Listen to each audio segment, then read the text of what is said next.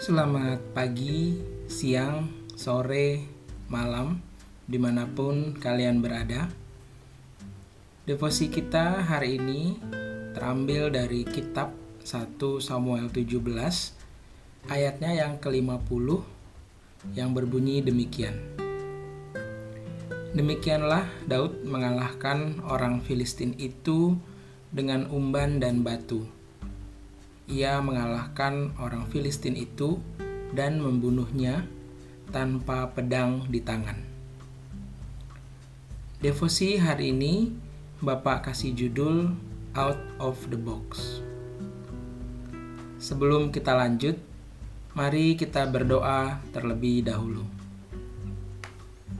Mari kita berdoa. Bapak, hari ini kami kembali datang ke hadiratmu untuk bersama-sama berdevosi. Kami mengucap syukur untuk segala pertolongan dan penyertaan Tuhan hari ini. Kiranya Tuhan yang berbicara secara pribadi kepada kami lewat devosi hari ini. Kami boleh makin mengenal Tuhan, mengerti isi hati Tuhan, dan hidup sesuai dengan apa yang Tuhan mau. Dalam Kristus kami berdoa. Amin. Siapa di sini yang belum pernah mendengar kisah Daud mengalahkan Goliat? Rasanya hampir semua kita pernah mendengar kisah ini.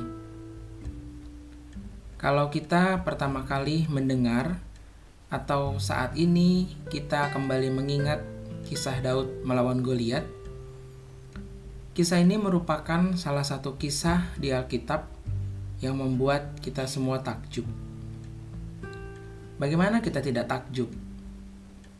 Pada kisah ini diceritakan bagaimana Daud yang terlihat lemah bahkan terlihat seperti tidak memiliki kekuatan maupun kemampuan untuk berperang, dapat mengalahkan Goliat yang dari segi fisik dan kemampuan berperang jauh lebih kuat daripada Daud. Kalau kita membaca keseluruhan kisahnya di kitab Samuel ini, kita akan melihat bagaimana Tuhan memakai Daud sebagai bagian dari rencananya untuk mengalahkan Goliat dengan cara yang tidak disangka-sangka oleh semua orang pada waktu itu.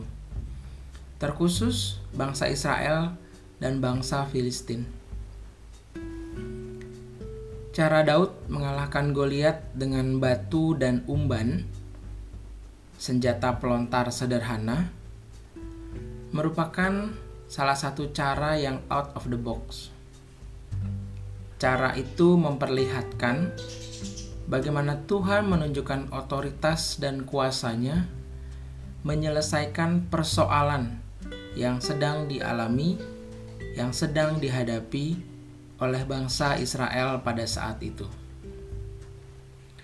Menariknya, Tuhan juga sering kali memakai cara yang out of the box untuk menjawab setiap doa dan pergumulan kita, ataupun ketika menolong kita menyelesaikan setiap persoalan, setiap permasalahan yang sedang kita hadapi.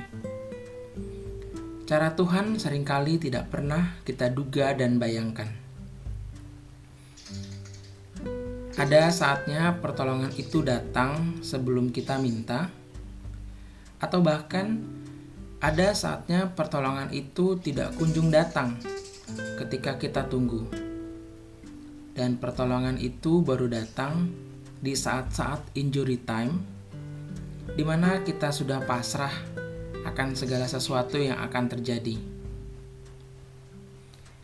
Melihat kisah Daud mengalahkan Goliat dan melihat bagaimana hidup kita selama ini, masihkah kita meragukan kuasa dan otoritas Tuhan di dalam hidup kita? Kiranya kita terus menjadi pribadi yang mengandalkan Tuhan, bergantung dan bersandar penuh hanya kepadanya, Percayalah, orang yang mengandalkan Tuhan tidak akan pernah kecewa. Amin. Mari kita berdoa. Bapak, terima kasih untuk devosi kami hari ini. Kiranya Tuhan yang menolong kami untuk melakukan kebenaran firman Tuhan yang telah kami dengar dan renungkan hari ini. Dalam Kristus kami berdoa. Amin.